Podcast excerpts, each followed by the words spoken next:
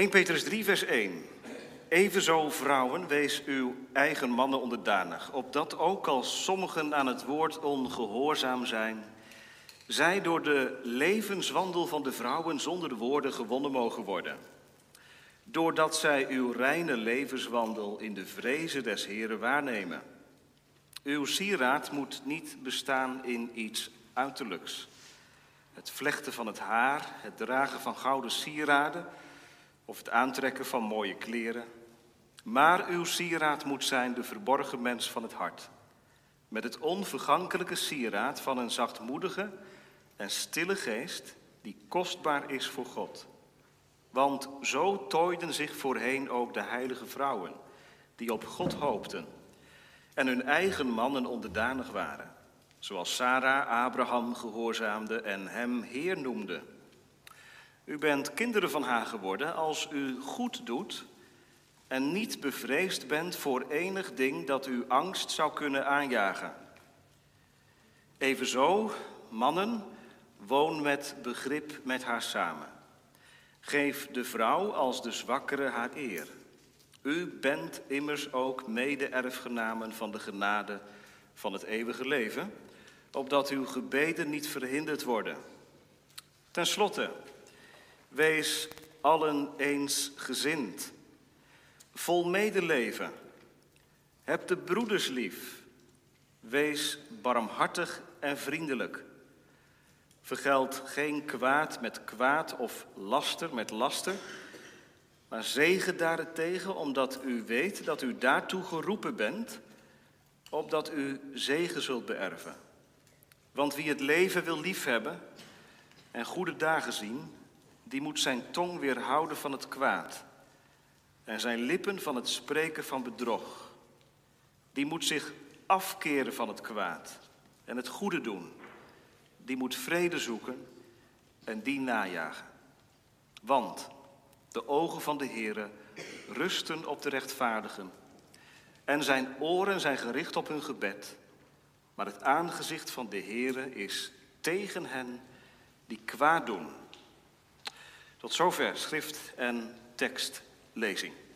Preek over 1 Petrus 3, vers 8 tot en met 12. Boven de preek staat geschreven gemeente, wie goed doet, God ontmoet.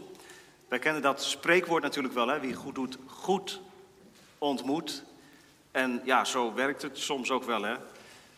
Als in de buurt bekend staat als een vriendelijke uh, buurman, dan kun je in de meeste gevallen ook vriendelijkheid ontvangen.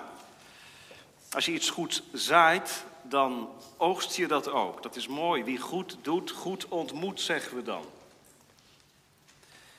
Petrus zegt het eigenlijk net anders. Wie goed doet, heeft het namelijk over goede dagen, vers 10. God ontmoet. Je ontmoet God als je het goede doet. We letten op drie gedachten. Allereerst op de prioriteit in de gemeente. Daar begint het, zegt Petrus. Dat is vers 8. Die vijf woorden die Petrus daar gebruikt, gaan we bij langs. Wat betekenen die nu voor vandaag? In de tweede plaats de uitwerking in de maatschappij. Vers 9, dat is de algemene lijn die de commentaren aanhouden, is dat vers 9 de maatschappij betreft. En dan, vers 10 tot en met 12, horen dan bij het derde punt van de preek de zegen van God. Wie goed doet, goed, God ontmoet, de prioriteit in de gemeente, de uitwerking in de maatschappij en dan de zegen van God. Allereerst, gemeente, de prioriteit in de gemeente. Houdt uw Bijbeltje erbij, want zeker de eerste, het eerste deel van de preek ga ik eigenlijk woord voor woord bij langs. En het begint al bij het woordje ten slotte. Petrus gaat naar een afronding toe van het middendeel van de brief. Dat begon bij hoofdstuk 2, vers 12. En als u die teksten bijpakt, dan ziet u daar staan: Houd uw levenswandel onder de heidenen goed. En toen hebben we gezien, heeft Petrus dat toegepast op de slaven in hun bediening bij de heren. Hij heeft het toegepast op het christelijke huwelijk, de plaats van de vrouw.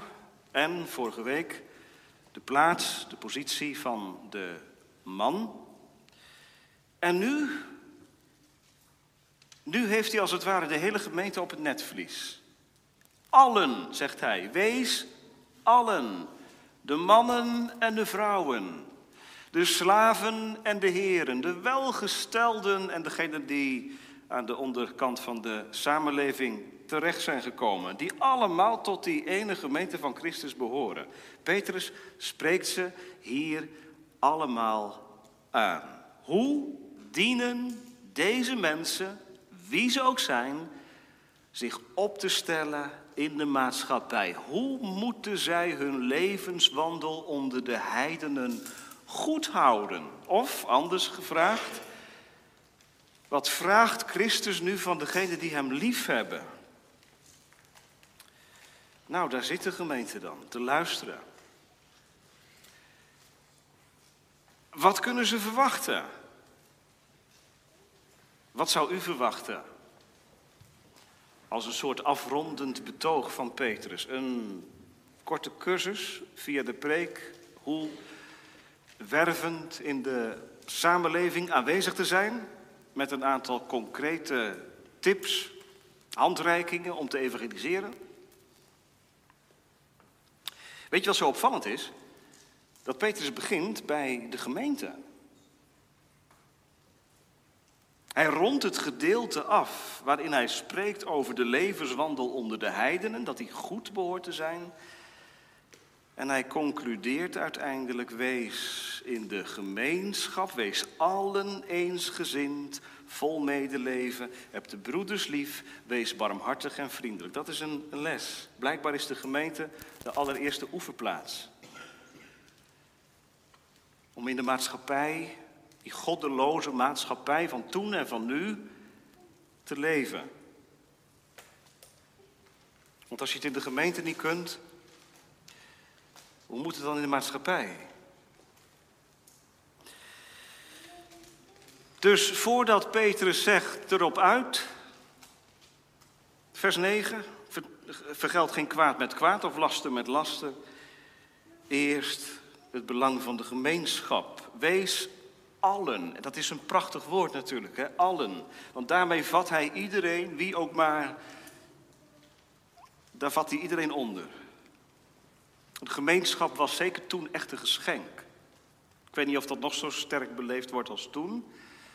Hoewel, coronatijd heeft denk ik wel um, de noodzaak hè, van het voelen van de noodzaak van gemeenschap versterkt. Ik hoop dat dat ook bij jou en bij u zo is. Dat je juist gemist hebt wat je nu weer een beetje terugkrijgt. Dat is wel nodig. In die zin kan een coronacrisis ook zuiverend zijn. Hè? Dat onze gedachten over gemeenschap gezuiverd worden. Dat waar we voordien kwamen naar de kerk om naar de preek te luisteren, we nu meer dan ooit beseffen, maar we hebben elkaar ook gekregen. Want ik heb die preek echt wel geluisterd al die maanden lang op de bank. Maar ik miste toch wat. Ja, het zingen en nog veel meer, maar ook de gemeenschap, het elkaar zien. Nou, dat benadrukt Petrus met dat woordje allen. Want gemeente, als je lid bent van de gemeente, van de gemeente van Christus, hoort daar een bepaald commitment bij, om zo te zeggen. Dat heeft iedere sportclub natuurlijk ook. Als je op de schaakvereniging zit, of een sport beoefent, dan heb je bij het begin meteen een commitment gemaakt. Je gaat ervoor. Je bent aanwezig, training en de wedstrijden, daar doe je ook aan mee. En als je dat niet doet, dan functioneert het team niet. Dat merkt het hele team. Nou, zoals met de gemeente van Christus ook. Ik hoorde pas van een gemeente waar als men iemand toeliet als lid een belofte van toewijding liet afleggen. Dat is een mooie, een mooie gedachte, een belofte van toewijding. Met dat je lid wordt van de gemeente, beloof je toewijding aan de gemeente. Want je bent geen consument. Je bent opgenomen in het lichaam. Ja, en gemeente, een commitment, dat betekent niet dat alles vanzelf gaat. En dat er geen interne strubbelingen zijn. Verschillen van inzicht en meningen, die zijn van alle tijden. Ook vandaag, ook in de christelijke gemeente. Wat, Paul, wat Petrus hier doet, is niet een ideaalplaatje van de christelijke gemeente leveren. Maar hij wil wel het bijbelse ideaal dat het beeld van Christus in de gemeente van Christus functioneert, naar voren komt. Dat wil hij onderstrepen met deze oproep ten slotte. En daarom spreekt Petrus de gemeente van Christus aan op haar verantwoordelijkheid. En heel eenvoudig gemeente, als Petrus dat doet, dan gaat dat blijkbaar niet vanzelf. Als ik mijn kinderen moet zeggen dat ze stil moeten zijn, dan praten ze blijkbaar. Of hebben ze de neiging om iets te gaan zeggen. En dat wil je voorkomen door te zeggen, wees stil. Nou, zo is het ook in de christelijke gemeente dat Petrus het hier zegt, wees alle eensgezind, vol medeleven enzovoort, betekent blijkbaar ook dat dit niet van nature aanwezig is. En inderdaad, van nature is dit ook niet aanwezig, want de zonde maakt ons liefhebbers van onszelf, maakt ons tot in de christelijke gemeente liefhebbers van onszelf. Het is genade alleen die deze vijf woorden die Petrus hier noteert, doet functioneren in het christelijke leven. Maar dat is dan de lijn die Petrus schetst in deze brief. Bij geloof in Christus hoort ook een wandel met Christus. En gemeente, dat is in aansluiting op wat Petrus in hoofdstuk 2 gezegd heeft, vers 5. U wordt ook zelf als levende stenen gebouwd tot een geestelijk huis. Weet u nog dat beeld dat Petrus gebruikte? De levende steen, de hoeksteen is Christus. En zij die tot Christus komen, worden als levende stenen gebouwd tot een geestelijk huis. Dat is het Bijbelse ideaal. En in die weerbarstige praktijk, waar vlees en geest door elkaar lopen, ook in het leven van een kind van God, schroomt Petrus niet om dit neer te leggen in het midden van de gemeente. Petrus zegt niet, nou ja, ook de christelijke gemeente is, een, is geen volmaakte gemeente. Zijn zondaren, allemaal zondaren en ja, daar gaat natuurlijk veel mis in de gemeente. Nee. Legt Petrus de lat dan heel hoog? Nee, Petrus verwoordt wat genade vermag. Wees allen eens gezind. Als je eensgezind wilt zijn, gemeente, dan heb je in ieder geval twee mensen nodig, toch? Als je in een relatie eensgezind wilt zijn, dan heb je die ander nodig om dat te beoefenen. Je kunt niet met je eentje eensgezind zijn. Ja, dat kan wel, maar dat is egoïsme. Je hebt meer mensen nodig om eensgezind te zijn. En dat is tegelijk natuurlijk ook heel lastig, want hoe meer mensen, hoe lastiger het is om eensgezind te zijn. Als je uit een grote familie komt, dan weet je er alles van. Zoveel hoofden, zoveel zinnen. Om dit te beoefenen, gemeente, heb je een christelijke gemeente nodig. Er is tegenwoordig een beweging van churchless, kerkloze christenen. En die beweging wordt meer en groter, ook in Nederland. Mensen die zeggen, je hebt de kerk niet nodig, je kunt ook geloven zonder de kerk. Want het gaat om het geloof in Jezus en dan ben je vrij en naar de kerk gaan. Waar staat dat nou in de Bijbel dat dat hoort en dat dat moet? Nou ja, gemeente, volgens mij loop je dan geweldig vast met bijvoorbeeld deze oproep. Wees allen eensgezind. Met wie dan? Met mensen die je uitkiest? Tot broeder en zuster, met wie je het een beetje kunt vinden? Nee, in die christelijke gemeente, daar daar wordt deze oproep gedaan. Daar waar een slaaf en een heer in één ruimte zitten. Een vrouw en een man, een rijke en een arme. Ze hadden niets met elkaar, maar ze hebben alles met elkaar gekregen omdat ze hem hebben liefgekregen. Gemeente, dat is denk ik al wel een spiegel, hè?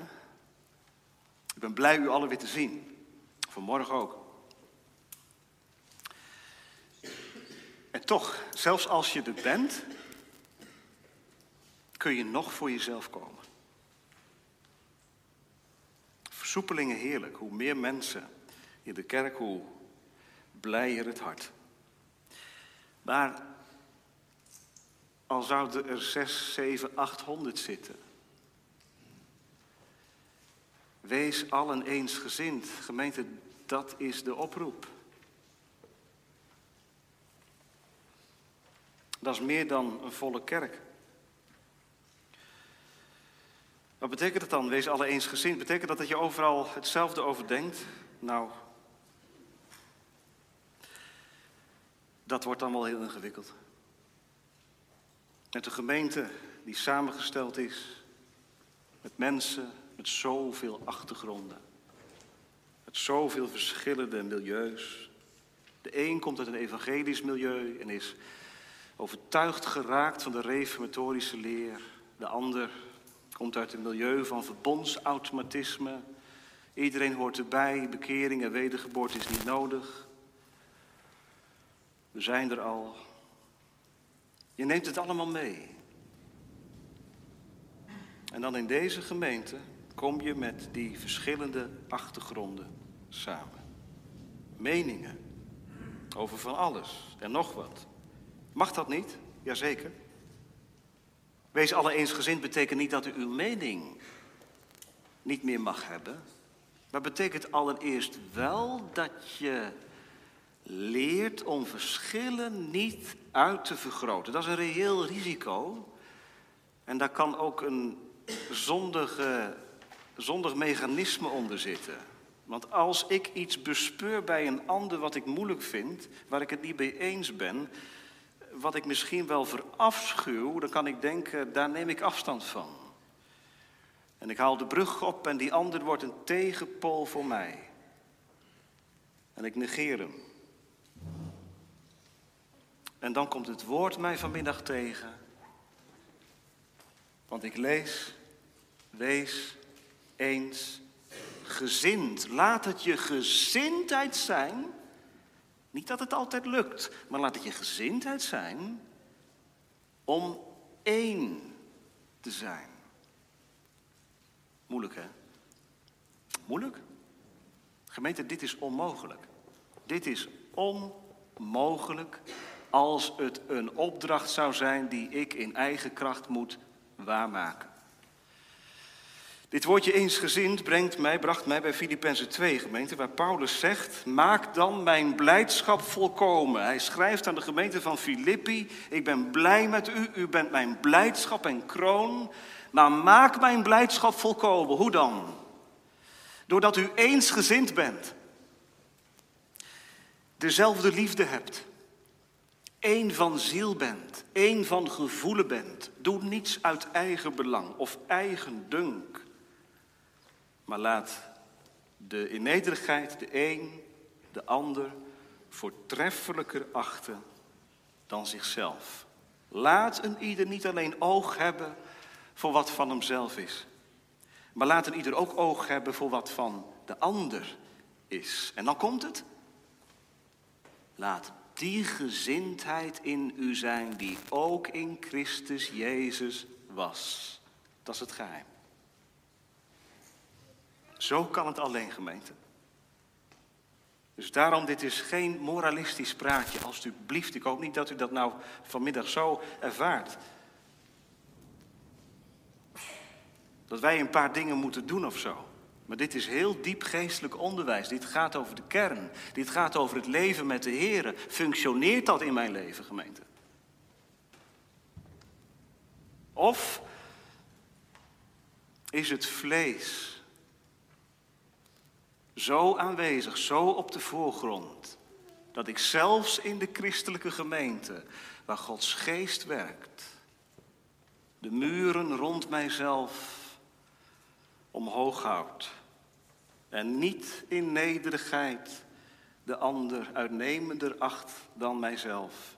Maar in hoogmoed neerzie op die ander met die afwijkende mening en met die afwijkende standpunten. Gemeente, ik snij in eigen vlees.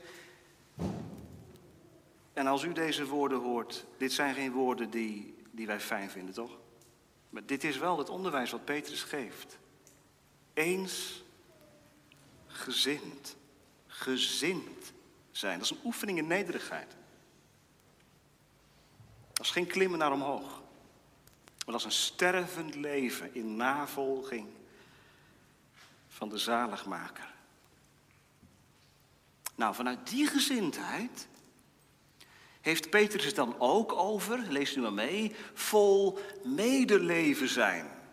En ja, ook daarvan geldt, dat kun je natuurlijk alleen maar zijn als je oog en hart hebt voor een ander. Hoe kun je nou meeleven met iemand als je geen ander voor ogen hebt? Meeleven, meelijden. Dit woord gemeente laat zien dat Petrus denkt vanuit de eenheid. In alle verschillen die er zijn in die christelijke gemeente, gaat de eenheid voorop. Is de Bijbelse volgorde. Eenheid en dan diversiteit. Vol medeleven. Wat is dat dan? Nou, dat is heel praktisch en concreet. Dat is dat als die getrouwde vrouw in de christelijke gemeente komt, die zo'n moeilijk huwelijk heeft, omdat haar man er niets van gelooft en haar man eigenlijk haar wegzet. Dat die christelijke vrouw in de gemeente mensen ontmoet die om haar geven, met haar meelijden, met haar meeleven. Dat is dat als die slaaf in de gemeente komt, er een ander is die oog en hart heeft voor zijn nood. Nou, trek de lijn maar door naar vandaag.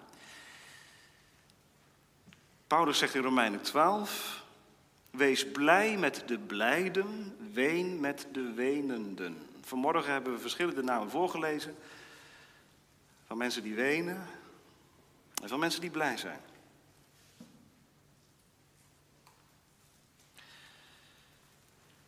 Nou, dat zijn de mogelijkheden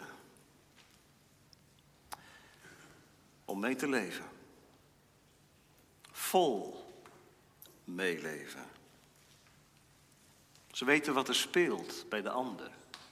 Ja, gemeente, zo'n grote, zo'n grote groep mensen, dat, dat, dat kun je toch niet. Nee, maar is het uw gebed, heren? Geef dat ik oor en hart heb voor de ander die tegenkomt op het kerkplein. Misschien bent u de eerste die ziet dat er iets is in de ogen van de ander. Bespeurt u verdriet, eenzaamheid.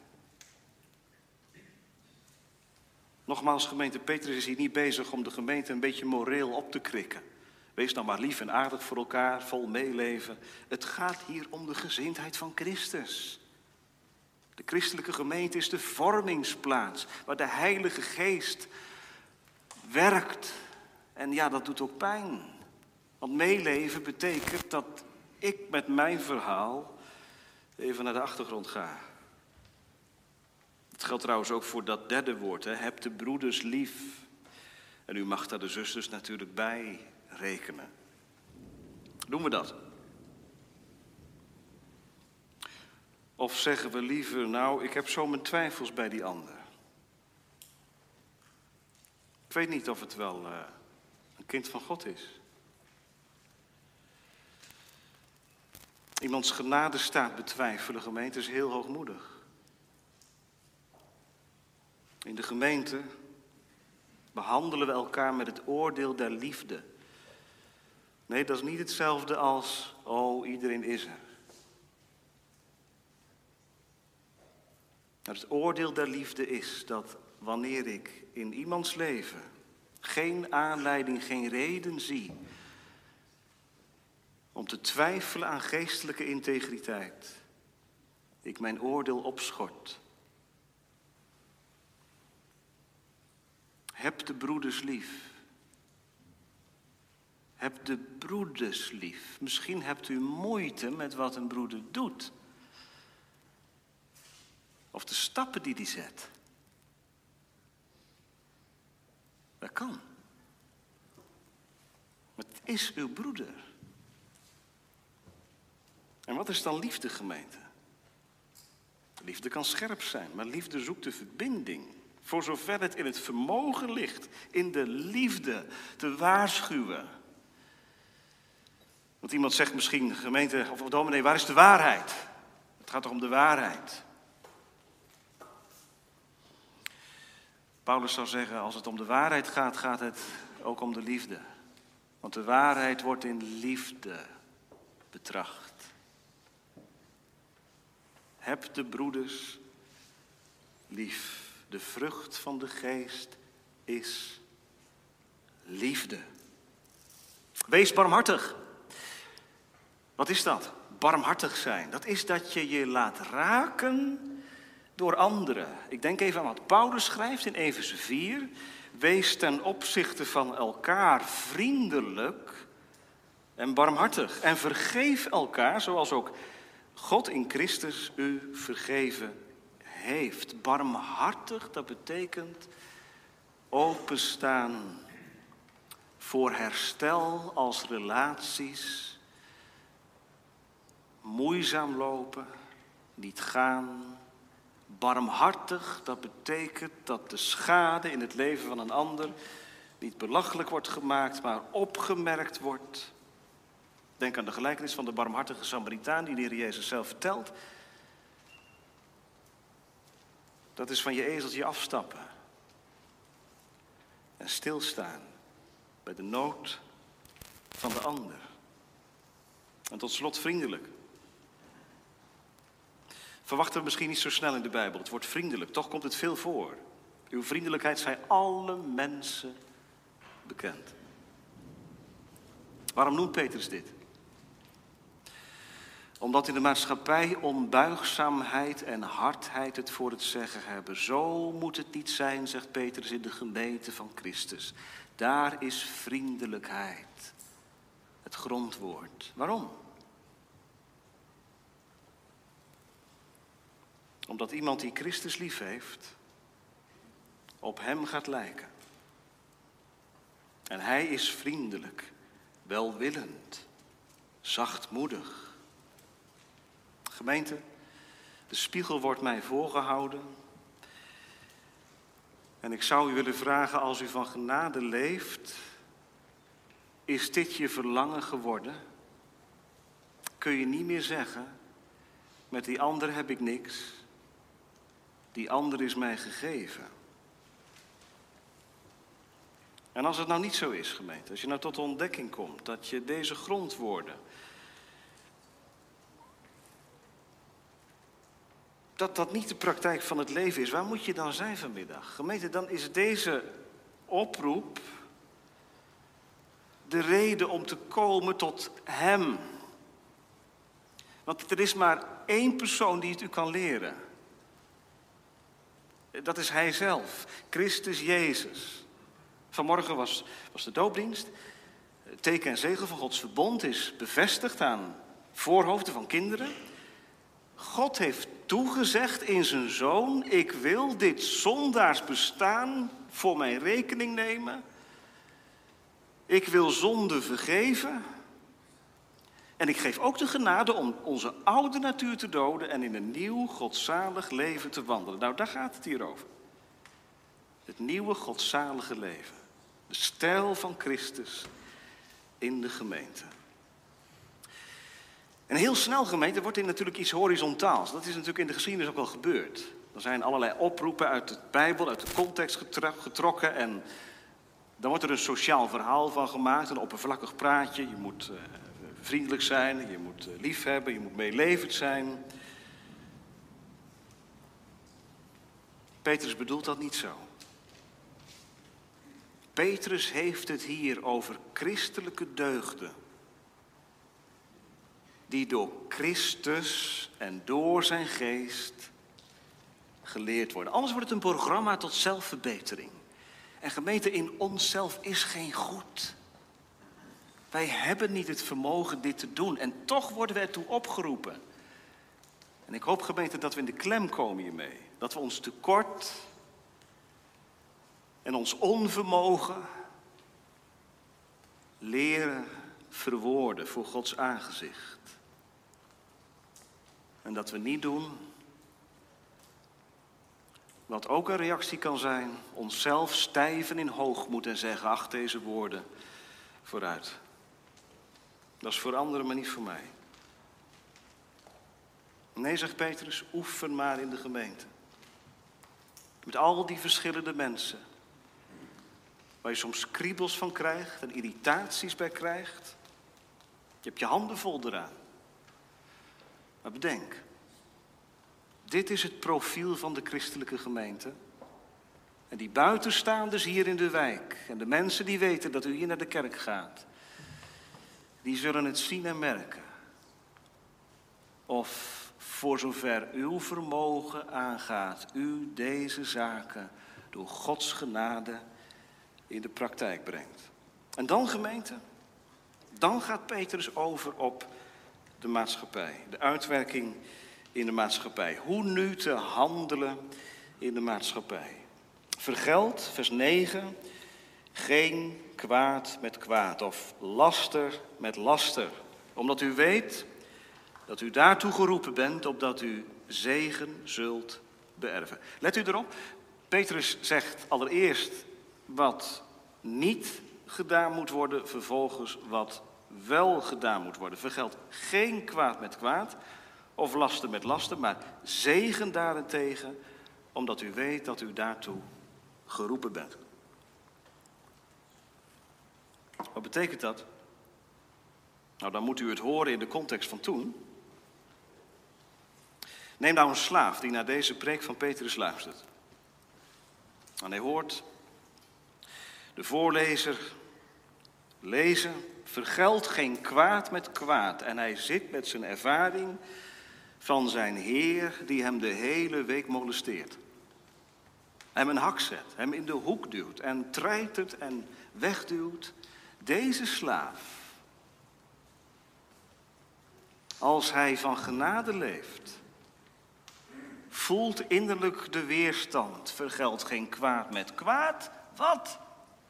Of laster met laster? Maar wordt door Petrus een andere weg gewezen. Er zit een vrouw in de gemeente. Ze wordt door haar man over de hekel gehaald. Een christelijke vrouw. Haar man moet nergens van weten. En zij hoort vergeld geen kwaad met kwaad. Of laster met laster, maar zegen daarentegen. Gemeente, dat is een ontwapenende opstelling. Als zo in de maatschappij het christelijke leven, het godzalige leven, zijn beslag krijgt. Eigenlijk wijst Petrus hier de weg die Paulus eh, eerder wees in Romeinen 12. Overwin het kwade door het goede. Overwin het kwade door het goede. Dus niet kwaad voor kwaad, maar het kwaad niet betaald zetten, maar het goede doen om het kwaad te overwinnen. En weer gemeente, Petrus verschuilt zich hier niet achter het zondaarsbestaan. We zijn niet volmaakt, er gaat wel eens wat mis, het zij zo. Nee, het is een christelijke roeping. Dit is wat Petrus bedoelt. Als hij in 1 Petrus 2, vers 21 schreef: Hiertoe bent u geroepen, omdat ook Christus voor ons geleden heeft. En daar leg ik de vinger even bij, want gemeente, daar zitten we aan het fundament. Christus voor ons geleden, weet u dat? Heeft Hij voor u geleden? Heeft Hij uw schuld, die met geen pen te beschrijven is, op zich genomen en is Hij de dood ingegaan om het leven u te geven? Hoort u bij die mensen die Christus liefhebben en genade meer en meer leren waarderen. Nou, zegt Petrus, dan is dit de weg om zegen te ontvangen. God zegent geen luie christenen, maar christenen die erachter komen. Dit is een weg, de smalle weg van de zelfverloochening. Achter Christus aan. En in de gemeente en in de maatschappij. Is het geen comfortabel leven? Echt niet. Vergeld geen kwaad met kwaad of lasten met lasten. U bent ertoe geroepen, zegt Petrus. Opdat u zegen zult beërven. Ziet u dat? Wilt u zegen ontvangen? Petrus zegt dan is dit de weg. Achter hem aan. Ik zet mijn treden in uw spoor. En jonge mensen, dat, is, dat lijkt natuurlijk een onmogelijke weg. Het is een weg van zwakheid en van sterven. Wie wil dat nou? Ik en jullie, wij willen toch omhoog en groeien en beter worden en sterker worden. Maar Petrus heeft het oog gericht op de eeuwigheid. Straks zullen we daarmee eindigen. God beloont de rechtvaardigen. Je kunt het alleen maar zeggen, gemeente, als je leven in het perspectief van de eeuwige heerlijkheid gezet wordt. Als je dit kortstondige bestaan van een paar decennia op aarde weet te plaatsen in het perspectief van wat God zijn kinderen belooft. Dan alleen kan het. Zo alleen kan het ook hè, in landen hier ver vandaan, waar christenen heel nadrukkelijk met dit kwaad te maken hebben, laster bijvoorbeeld. Hoe kan het? Dat christenen in moslimgebieden, in hindoegebieden zegenen en geen kwaad voor kwaad vergelden. Ik denk dat zij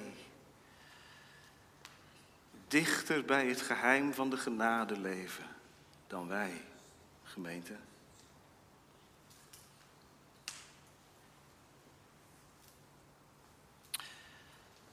Hoe gaan we de week in? Als nou deze week dit gaat gebeuren, en misschien gebeurt het wel op je werk, ik weet het niet. Of in je familie, of uh, in de buurt. Hoe, hoe ga je nou de week in? Is dit nou een oproep van de wet? Vergeld geen kwaad met kwaad? Of laster met laster? Nee, het is een roeping van Gods wegen. En vanmiddag in de kerk wordt door dit bevel van het evangelie ook de genade meegedeeld. Echt waar.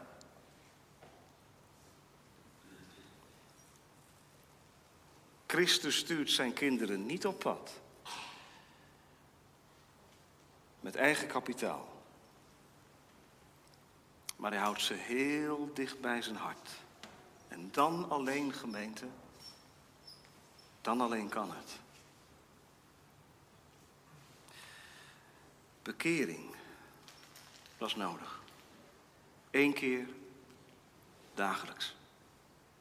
Zullen we het maar gewoon zeggen tegen elkaar, gemeente, vanmiddag, dat we het allemaal allemaal, of we nou van deze genade leven of niet, maar heel hard nodig hebben. Die dagelijkse omkeer tot Hem. Heere, u roept me ertoe, maar alles protesteert in mij om deze weg te gaan.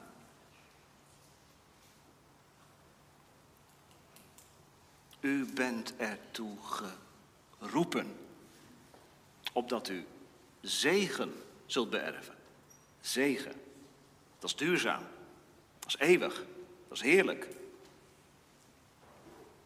Dat is het laatste, de zegen van God.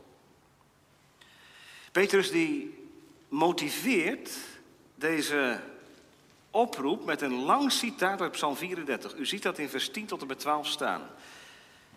En we vragen ons af, waarom doet Petrus dat? Waarom citeert hij uit Psalm 34? Wie Psalm 34 leest, die ontdekt dat die psalm door David is opgeschreven in de tijd waarin hij op de vlucht was voor Saul. Saul wil hem uit de weg ruimen. David is de dupe van een onrechtvaardige levensstijl van een man. David lijdt onder de bitterheid van deze verzuurde Saul. En wat is er nou makkelijke gemeente om op zo'n verzuurd iemand te reageren met evenveel zuur en bitterheid? En dan Psalm 34. Dan zegt David, kinderen, kom naar mij. Wil je nou weten wat de vrezen des Heren is? Wil je nou weten wat het betekent om godzalig te leven? Leer van mij je tong te weerhouden van het kwaad, vers 10. Je lippen van het spreken van bedrog, vers 11. Je af te keren van het kwaad en het goede te doen. En vrede te zoeken en die na te jagen. Dat is het antwoord wat David geeft. En dat kan hij doen omdat hij geleid wordt door de Heilige Geest. Want stel nou dat zijn eigen ego zou antwoorden op zo'n situatie. Weet je wat hij dan gezegd had? Bedenk een plan om Saul uit de weg te ruimen. Laten we met list deze man een hak zetten. Laten we zorgen dat dit ongemak zo snel mogelijk weg is.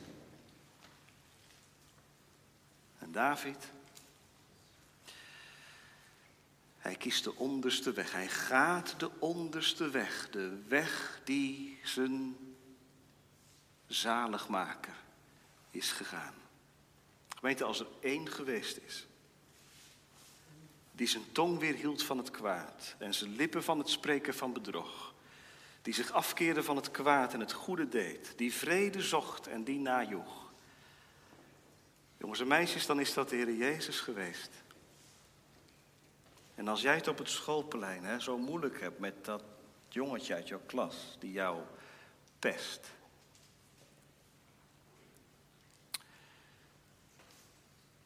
Weet je wat ik jou vanmiddag dan mag zeggen? Er is er één die het begrijpt. De zaligmaker. Hij heeft ondergaan wat jij in het klein ondergaat. Dat je aan de kant gezet wordt. Zonder reden. Zij hebben mij zonder reden gehaat. En weet je wat de Heer Jezus nou wil, kinderen? Dat je met dat moeilijke, hè, met dat verdrietige, niet zelf aan de slag gaat. Een plan bedenken om die ander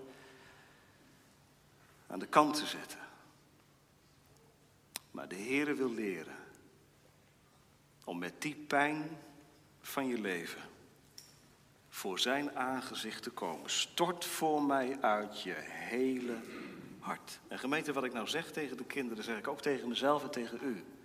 Als u te maken hebt met een situatie van onrecht en van laster en van kwaad. En als wij gemeente meer en meer te maken gaan krijgen met kritiek van buiten, de maatschappij die meer en meer intolerant gaat worden. En op punten als bijvoorbeeld het huwelijk, om maar iets te noemen, steeds meer zal ondergraven. Wat staat u te doen? Toen Bonhoeffer in de gevangenis zat, in de Tweede Wereldoorlog, en hij geen kant op kon, een gekooide vogel was, het onrecht van de goddeloze onderging, schreef hij meditatie over Psalm 34.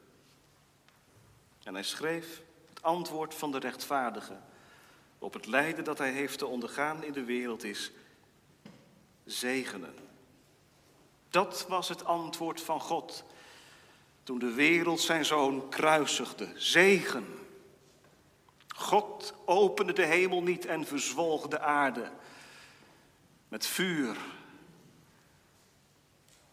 God liet de wereld niet in één ogenblik verloren gaan, maar hoe verloren ze zich ook gemaakt had. Hij liet zijn zoon afdalen in die ellende. De wereld zou geen hoop hebben als er niet zou zijn gezegend. Van de zegen van God en de rechtvaardige leeft de wereld en heeft ze toekomst. Zo gaan wij om, zegt Bonhoeffer, met de wereld die ons het lijden bezorgt. Wij verlaten haar niet, wij verwerpen haar niet, wij verdoemen haar niet, maar wij roepen haar aan bij God. En wij bidden, mogen Gods zegen over u komen. Nou, haal dat gezicht van uw buurman en van je baas en van je collega nu maar even voor je. En spreek het uit voor Gods aangezicht. Dat is de bedoeling, gemeente. Want kijk eens hoe Petrus eindigt. De ogen van de Heer rusten op de rechtvaardigen. En zijn oren zijn gericht op hun gebed. Dat betekent. Je tong weerhouden van het kwaad. Je lippen van het spreken van bedrog. Zwijgen dus, maar open doen. Omdat God luistert. Ziet u dat? Zijn oren zijn gericht op hun gebed. Als u in uw huwelijk of in welke moeilijke omstandigheid dan ook. Op allerlei manieren getart wordt. En tot het slechtste bewogen wordt van binnenuit. Zegt Petrus, gemeente, er is een God die ziet en luistert. En dat is geen doekje voor het bloeden. Zijn oren zijn gericht op het gebed van de rechtvaardigen en zijn ogen zijn op hen geslagen. Maar het aangezicht van de Heer is tegen hen die kwaad doen. Gemeente, dat is een afschuwelijke zin eigenlijk.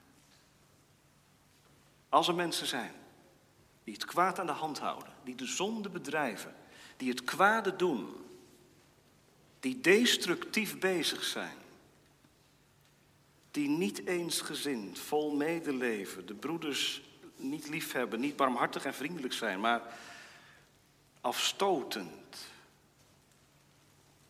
hun weg gaan. Is dit wat Petrus zegt? Het aangezicht van de Heer is tegen hen die kwaad doen.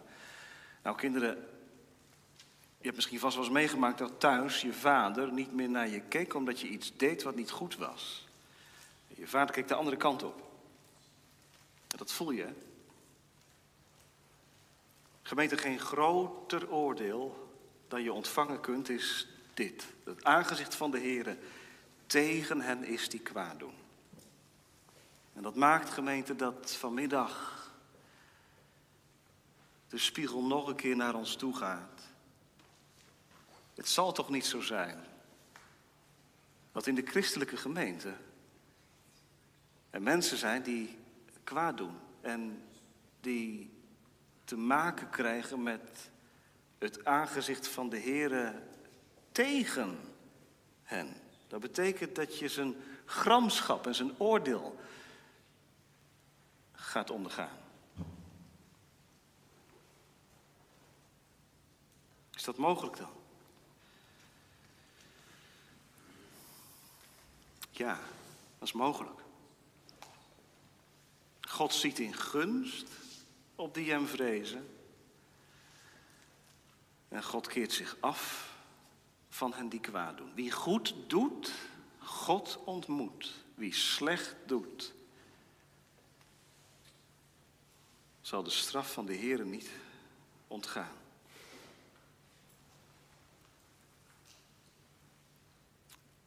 Ik hoop gemeente dat de grond te heet onder de voeten wordt.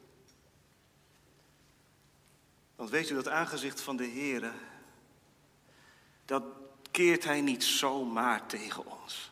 Nog is zijn aangezicht tot ons gewend. En nog zijn zijn ogen op ons gericht. En nog zijn zijn oren tot ons gericht. Dat is een uitnodiging, toch? Of je nou luisterde met verdriet en pijn. Of je nou luisterde met een zwaar vermoeid gevoel. Hoe is dit toch mogelijk? Hoe kan dit ooit praktijk worden? Zijn ogen zijn open. Zijn oren zijn open. Gemeente, zullen we het daarvan verwachten? Dat is een belofte. En op die belofte mag je pleiten vanmiddag. O God, geeft dat dit leven hier in mijn persoonlijke leven, zoals hier geschetst, zijn, zijn, zijn beslag mag vinden. Verheerlijk uw genade, o zoon, maak mij uw beeld gelijk. Dat is het goede leven. En dat kent ook de beste afloop. Het goede leven wordt gezegend. U zult de zegen beërven. Gemeente, wie het doet met zichzelf, die zal straks de dag van de vergelding ondergaan en buiten staan. Maar wie zich tot Christus wendt, in de nood van zijn leven, ook met de onmogelijkheid van dit navolgen van Hem, zal ontdekken. In Hem is kracht en genade om dit leven te praktiseren. God zegent. Dat doet hij nog. Zo Heer, mogen we met verwachting deze nieuwe week ingaan. Goede dagen zien. Het leven liefhebben. Want God heeft zijn ogen en zijn oren tot mij gewend. Amen.